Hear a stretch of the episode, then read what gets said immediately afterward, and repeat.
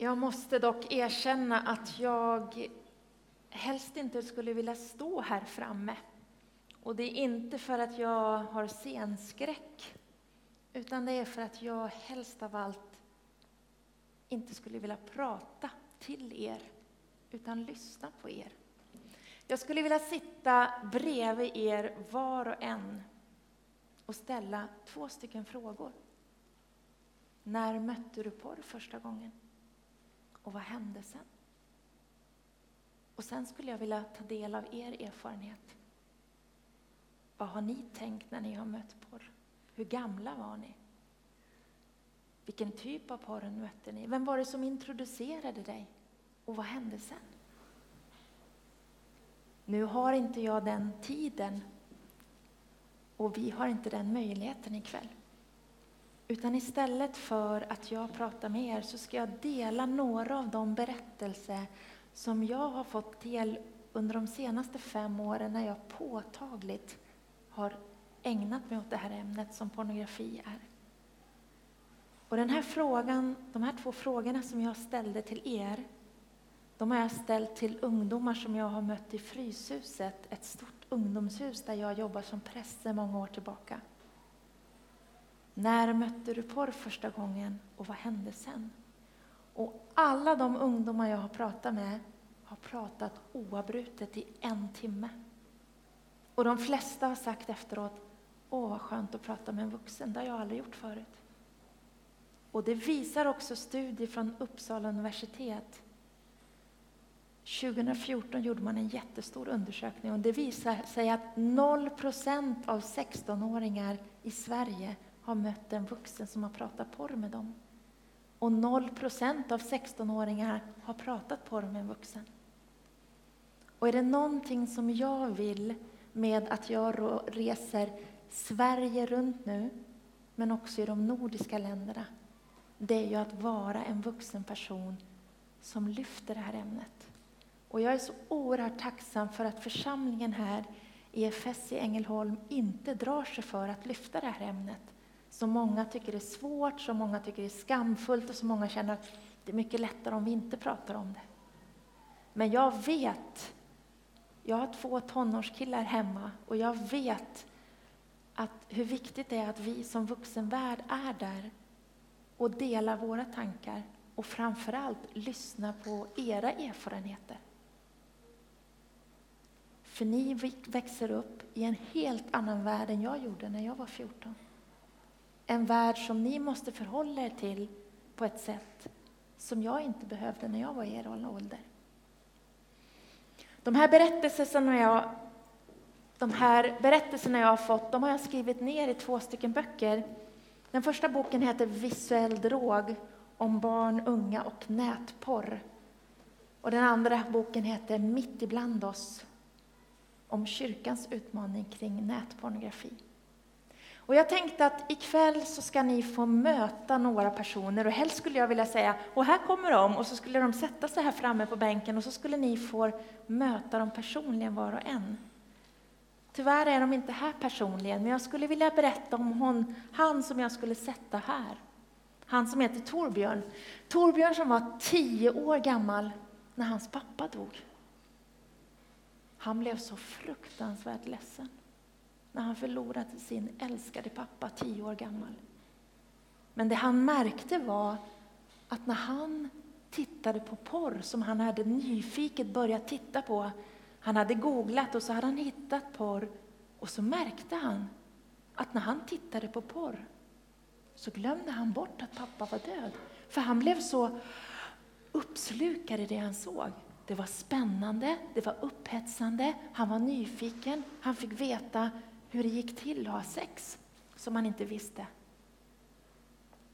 Så han märkte att det här var hans sätt att fly från det som var tungt hemma. Att gå in i en värld som bara erbjöd något helt annat. Och han blev helt hooked på svenska, eller på engelska. Kruxet var att han märkte att det här fungerade så väl. Så, så fort livet blev tungt för honom senare i livet, när han var 12, när han var 14, när han var 16, när han var 22. Varje gång livet blev tungt, då gick han inte och pratade med en präst i församlingen. Han gick inte heller och pratade med en kurator. Utan vad gjorde han när livet var tungt? Det som han hade lärt sig när han var tio. Det här gör att jag får slippa och känna efter. Så han sökte sig till porren. Och det här blev ett sätt som drev honom in i någonting som han senare som vuxen skulle inse att det här förstörde så otroligt mycket för honom. Och det har jag berättat om i min bok Mitt ibland oss. För han blev en stor kyrklig ledare. Men det han inte berättade för dem i kyrkan, det var ju att när jag tycker livet är svårt, då går jag och porrsurfar. Det berättar han inte.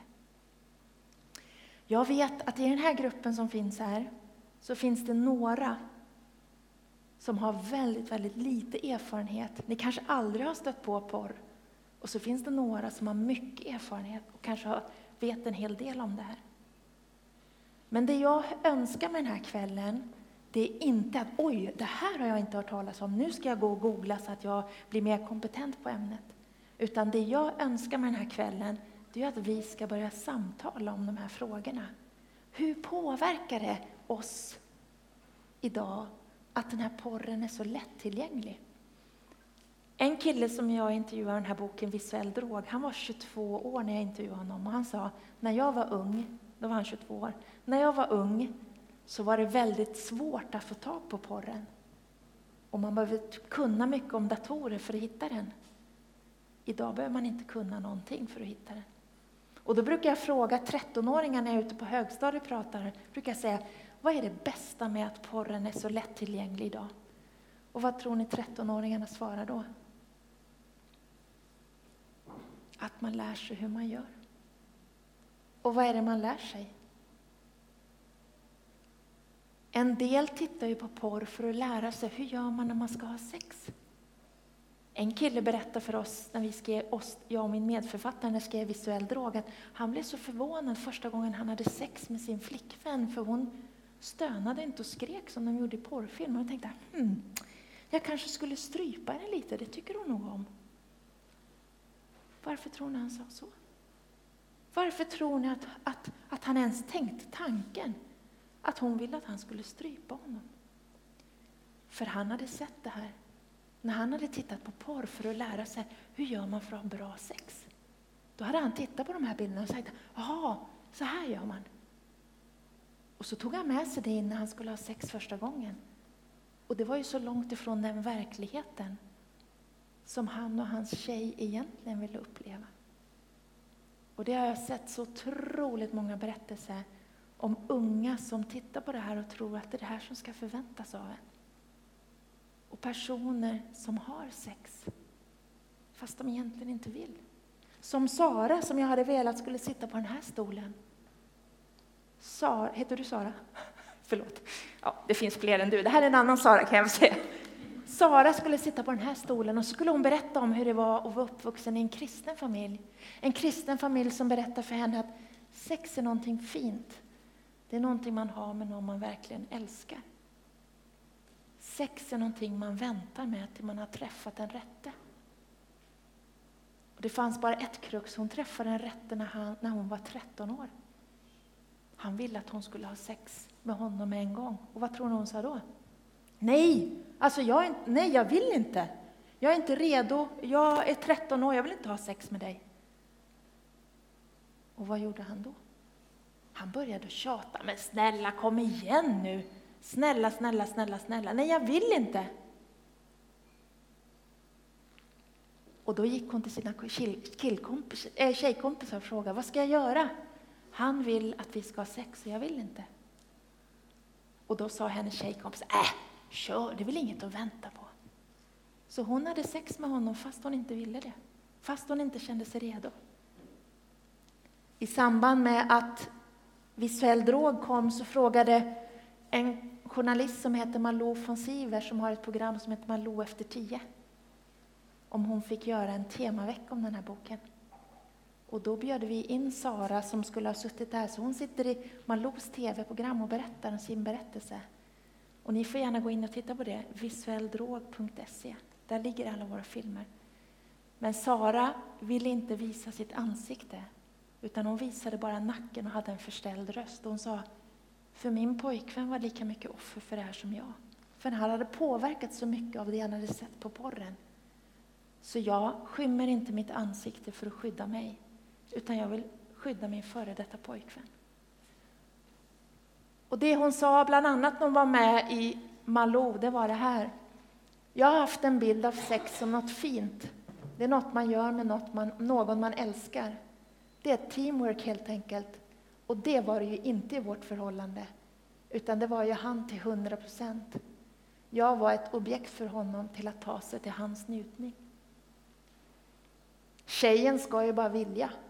I porr verkar 99 procent av tjejerna gilla det som de är med om. Och det är killen som är den dominanta.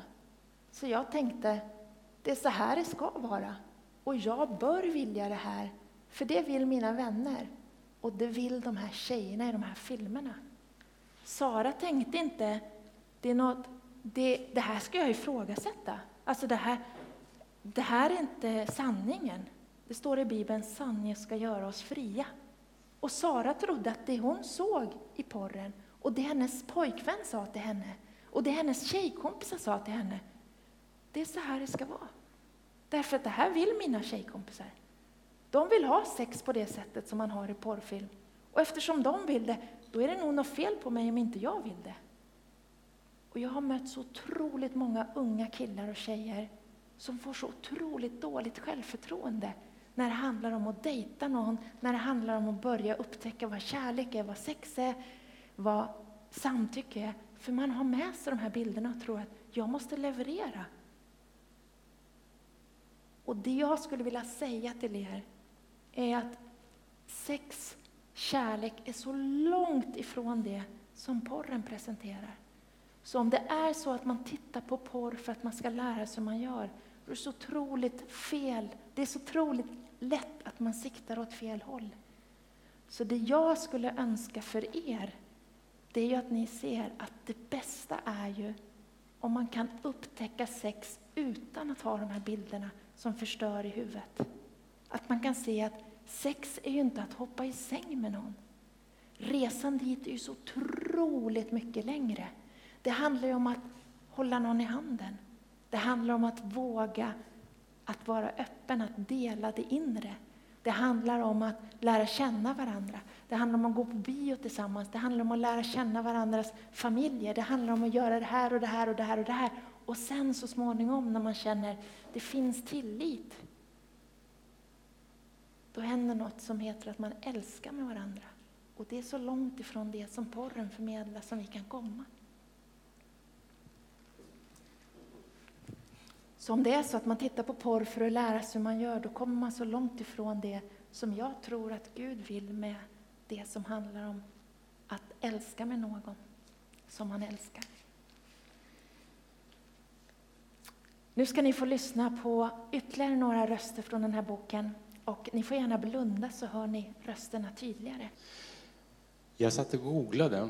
Det var jag och några kompisar. Det kom upp sex i alla möjliga former. Det var ganska tidigt. Det var när inte, internet inte var så utvecklat än. Men det var främst bilder, men också rörliga bilder. Men eh, främst bilder. Jag minns att jag blev rädd. Man hade svårt att somna efteråt på nätterna. Man låg där och tänkte på det. Mm, man var ju ung då. Det var en konstig reaktion helt enkelt i kroppen och i huvudet. Jag fattade inte riktigt vad som hände. Men ändå fanns det där. Då var jag sex år gammal. Idag är jag 19 år, jag kollar fortfarande. Jag tänker även på konsekvenserna. Jag vet hur jag kommer att må efteråt. Jag vet att jag kommer att ångra det. Men jag gör det ändå. Det finns en så otroligt stark dragningskraft.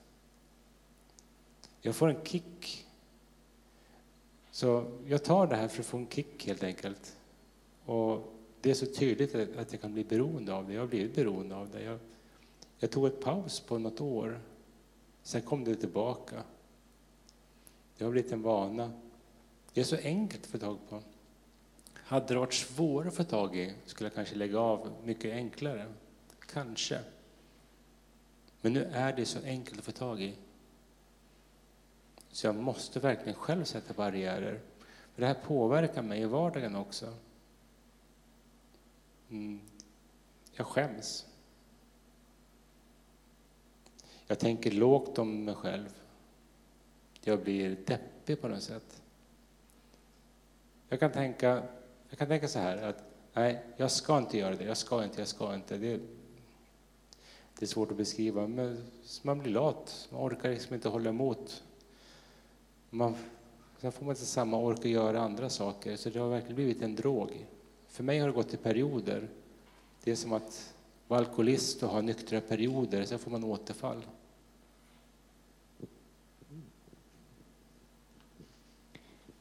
Vi träffades när jag var 13. Han var 16. Jag ville vänta med sex, men jag blev snabbt övertalad. Vid ett tillfälle skrev han till mig att han inte kunde ha ett förhållande utan sex. Jag var 14 år när jag låg med honom första gången. Vid den åldern så gör man nästan vad som helst för att inte förlora honom, sin riktiga första pojkvän. Och äldre kompisar tjatade också. Kom igen, ni älskar ju varandra, kunde de säga. Så ja, tre gånger om dagen, varje dag, hade vi sex i fem år. Mer eller mindre. Jag var alltid öm. Det var blod. Även han började blöda flera gånger. Och ändå fortsatte vi. Jag kände ständigt skuld mot mig själv eftersom jag fortsatte att göra någonting som jag egentligen inte ville. Min syn på sex började förändras helt. Jag började se det som någonting äckligt, som någonting dåligt. Det blev nästan som ett självskadebeteende, som ett straff. Jag straffade mig själv genom att fortsätta fastän jag mådde dåligt av det. Jag försökte få oss att vänta, men han gjorde allt för att övertala mig. Han tjatade. Tjatsex, hela tiden. Det är väldigt vanligt med tjatsex, även om inte så många vet det. Jag grät efteråt. Han med. För jag brukar alltid säga nej innan.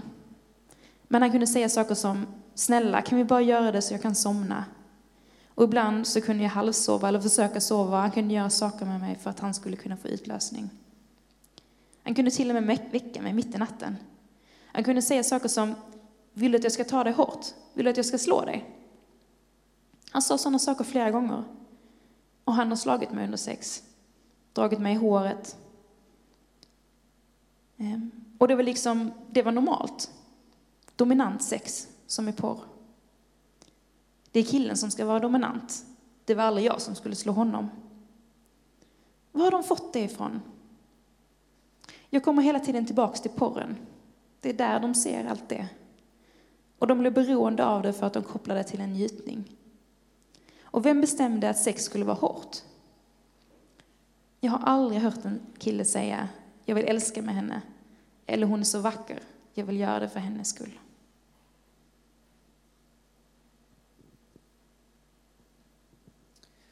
Jag har aldrig hört någon säga något dåligt om porr. Man skrattar mest åt att det skulle finnas något dåligt med det. Det är ju helt naturligt. Alla kollar på det. De har ju sagt att man ska utforska sig själv. Liksom. Porren är väl en del av det. Jag tänker i alla fall att det är helt normalt. Den som inte höll på att kolla, liksom, den kallades för bög i skolan. Det är så tonen var. Porren påverkade min syn på människor. Man får en objektifierad syn på människor, tycker jag. Så blev det i alla fall för mig. Man såg saker som man kanske inte annars skulle koppla till sex. Men helt plötsligt kopplade man de sakerna till sex. Och ja, tjejerna, de är ju verkligen objekt. Det är så de framställs i filmerna i alla fall. Allt är utifrån ett mansperspektiv. Vad jag ska få, vad jag vill ha. Ingen ömsesidighet. Sex handlar väl om två människor? Men det ska tillfredsställa mannen och ytterst sett ska det tillfredsställa den som kollar på filmen. Det handlar inte alls om att båda ska må bra. Och mycket porr är riktat liksom till heterosexuella män. Allt kvinnan ska göra är att tillfredsställa mig. Men det blir så sjukt tycker jag. För att så kan det inte vara på i riktigt, i en verklig relation. När är det annars bara en människa som bestämmer exakt hur allting ska gå till? Det kanske är en våldtäkt i så fall.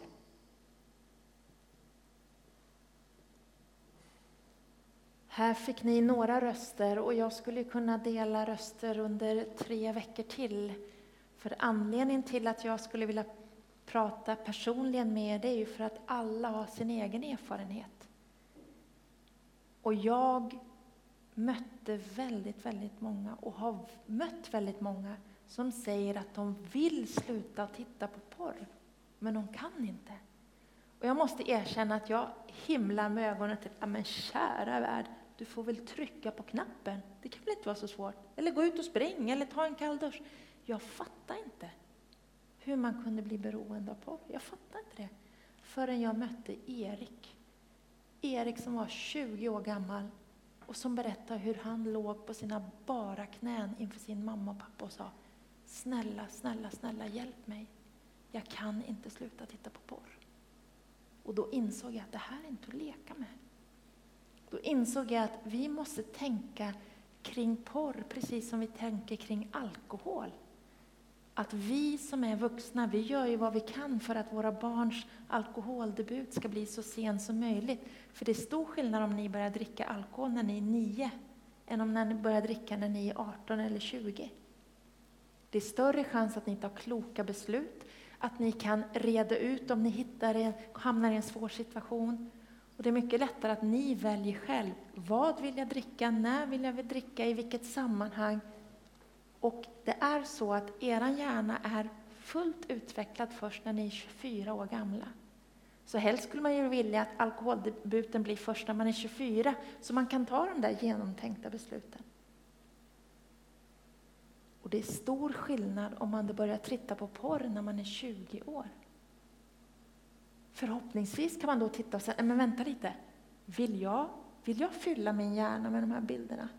Vill jag starta ett tändningsmönster som, går, som handlar om att jag går igång på att se människor bli förnedrade? Blir jag äggad av det?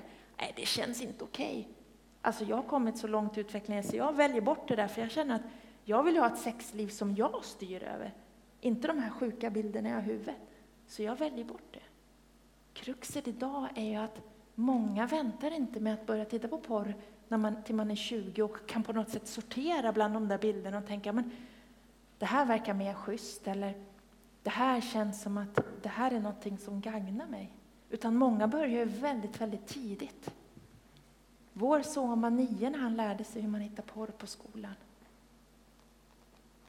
Och då måste ju man på något sätt förhålla sig till det här. Men det som är speciellt med sex är att det är så otroligt spännande. Så det är ju många som vill, vill titta på det där, för det, det, man blir nyfiken. Och så märker man att det finns en dragningskraft. Och den där dragningskraften kan ju bli på ett sätt så att man känner att till slut så drar det på ett sätt så att man inte kan styra över det själv. Och ni ska få träffa en som jag skulle önska satt på den här stolen och att ni fick träffa honom personligen. Men ni får nästan träffa honom, för han var en av de få, eller han var den enda som sa till Malou, jag visar mitt ansikte. För om jag på något sätt kan bidra till att lyfta den här frågan genom att berätta vem jag är, så vill jag göra det. Så nu ska ni få träffa Johannes.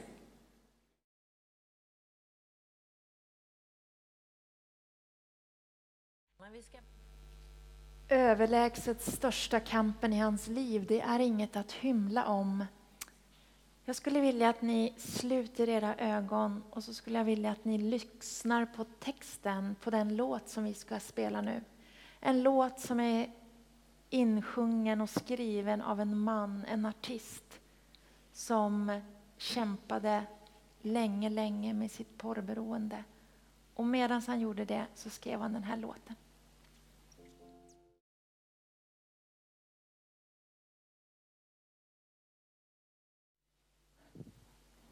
Kirk Franklin har skrivit den där och sjungit in den låten Pray for me. Johannes, han bad människor be för honom. Johannes som ni nyss träffade. Och han bad dem be och be och be och be och be. Men han blev inte befriad. Och han bad dem be ännu mer. Och ibland så behöver vi hjälp på ett annat sätt. Bönerna är oerhört viktiga, men vi behöver också konkreta sätt. Precis som när man har ett alkoholberoende. Bön är jätteviktigt, men man behöver också få hjälp på andra sätt. Och i samband med att Johannes var med i det här tv-programmet Malou efter tio så skrev han en debattartikel i tidningen Dagen som är Pingstkyrkans tidning. Och han skrev så här. Jag är en del av den första generation som hade en egen dator på sitt rum och som hade en internetkopplad smartphone i tonåren. Jag är därmed del av den första generation som genom ett fåtal knapptryck haft tillgång till allt som någonsin laddats upp och gjorts tillgängligt på internet. Så när min nyfikenhet växte fanns alla möjligheter att stilla den. Men som för så många andra var det motsatsen som hände. Istället för att stillas växte min nyfikenhet till ett begär som i perioder tog över stora delar av min vakna tid. Jag ser nu i efterhand att man inte kan konsumera pornografi utan att delvis konsumeras av den. Jag hade en miljon skäl till att inte titta. Jag bad och bönade Gud om att bli fri. Trodde att jag var ensam och höll det för mig själv. Inte kunde det vara någon mer i min ungdomsgrupp i kyrkan som tittade på liknande saker. När jag till slut började prata om porr i slutet av tonåren upple, uppmärk, uppmärksammade jag att jag var knappast ensam om det. Jag är så glad över att jag befunnit mig i kristna sammanhang som alltid gett mig en målbild kring hur sexualitet och kärlek bör vara. När jag har öppet talat i kyrkliga sammanhang om mitt missbruk och nu senast berättade i TV har jag totalt sett mötts av bara en negativ kommentar från en kristen person. I övrigt har det uteslutande varit stöd, uppmuntran och löften om förbön.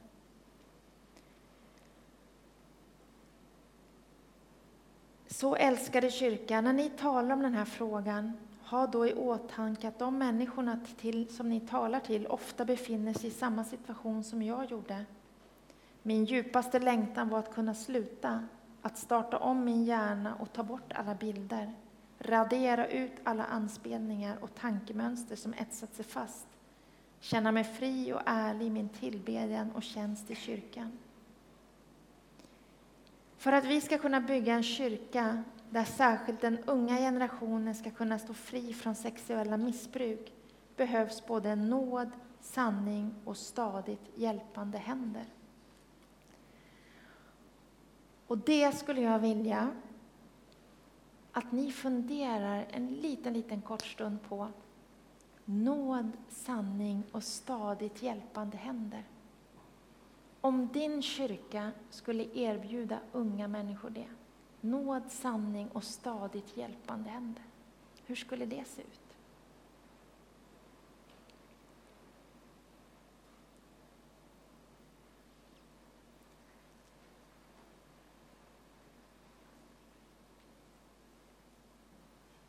Och innan jag avslutar så skulle jag vilja att vi inte bara pratar om vad händer med den som tittar på porr?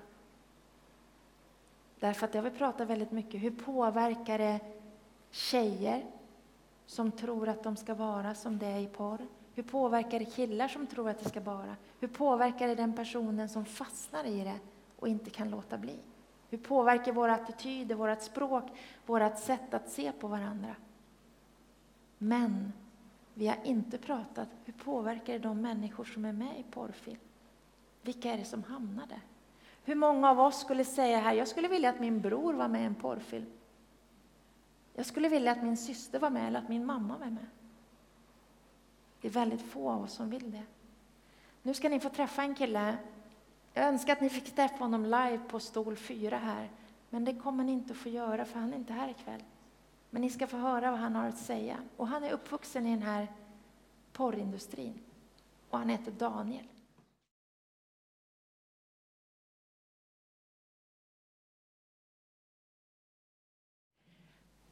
Då skulle jag vilja återknyta där jag började.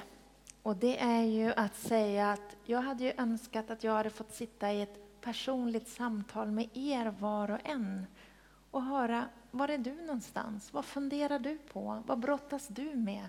Vad tänker du om det här med sex, med porr? Med, vad har du för förväntningar?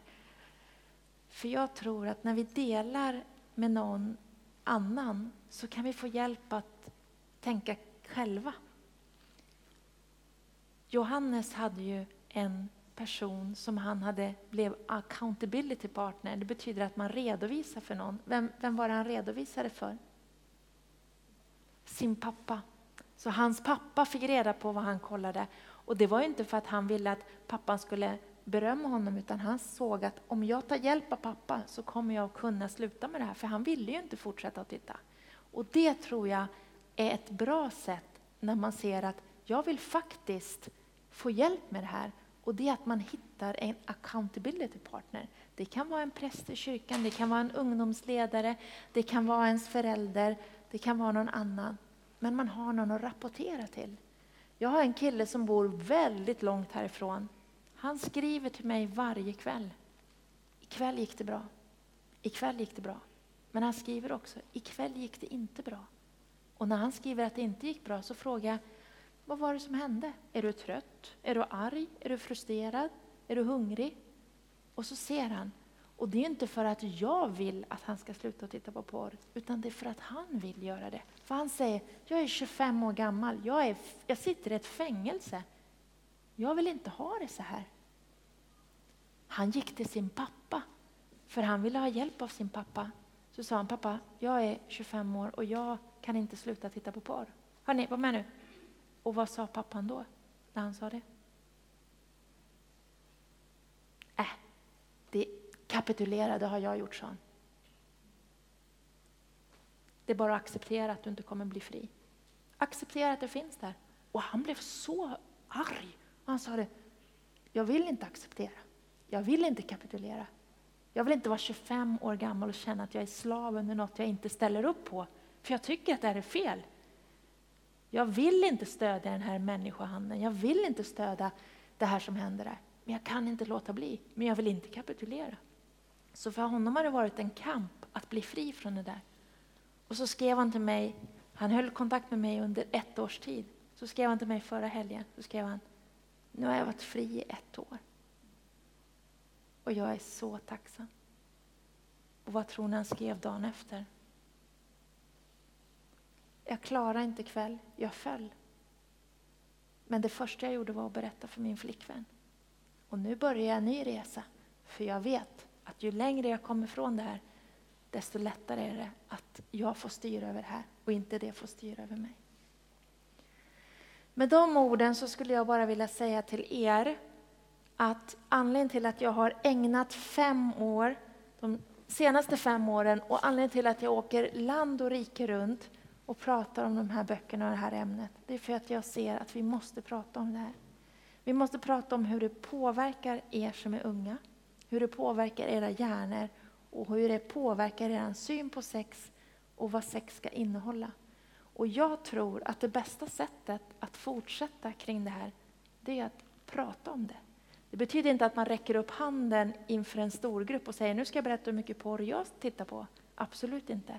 Det kan handla om att man fortsätter samtalet i smågrupp. Man träffas i kyrkan och pratar. En kille här som är ungdomspastor i Philadelphia kyrkan, de bestämde att de skulle ha temaporr när de hade bönegrupp. Så varje gång de träffades i sin bönegrupp så sa de, hur går det för dig? Äh, det gick inget bra. Okej, vi ber för dig att det ska gå bättre nästa gång. Och så gick de laget runt. Och han sa, vi, blev hjälp, vi hjälpte varandra att försöka hålla oss borta för det här. För vi ville stötta varandra. Så att man kan hitta olika sammanhang där man ser att i det här sammanhanget känner jag mig trygg. Här kan jag prata om det här. Här kan, jag, här kan vi hjälpa och stötta varandra. I kyrkan eller tillsammans med någon ledare. Ja, nu tänkte jag lämna ordet över till dig och säga hur går vi vidare från det här? Och så vill jag också säga så här, att om det är någon som känner jag skulle vilja berätta någonting eller jag skulle vilja ha hjälp men jag vågar inte gå till någon av prästerna här i församlingen. Skriv till mig så hittar jag någon som inte känner er som ni kan ta kontakt med. Och jag finns på Ulrika med C. 1, alltså snabel visuelldrog.se. Tack ska ni ha för att ni lyssnade. Och nu skulle jag vilja skicka med det finaste jag kan ge och det är Herrens välsignelse. Herren välsigne dig och bevara dig. Herren låter sitt ansikte lysa över dig och vara dig nådig. Herren vänder sitt ansikte till dig och ger dig sin frid. I Faderns, Sonens och den helige Andes namn. Amen.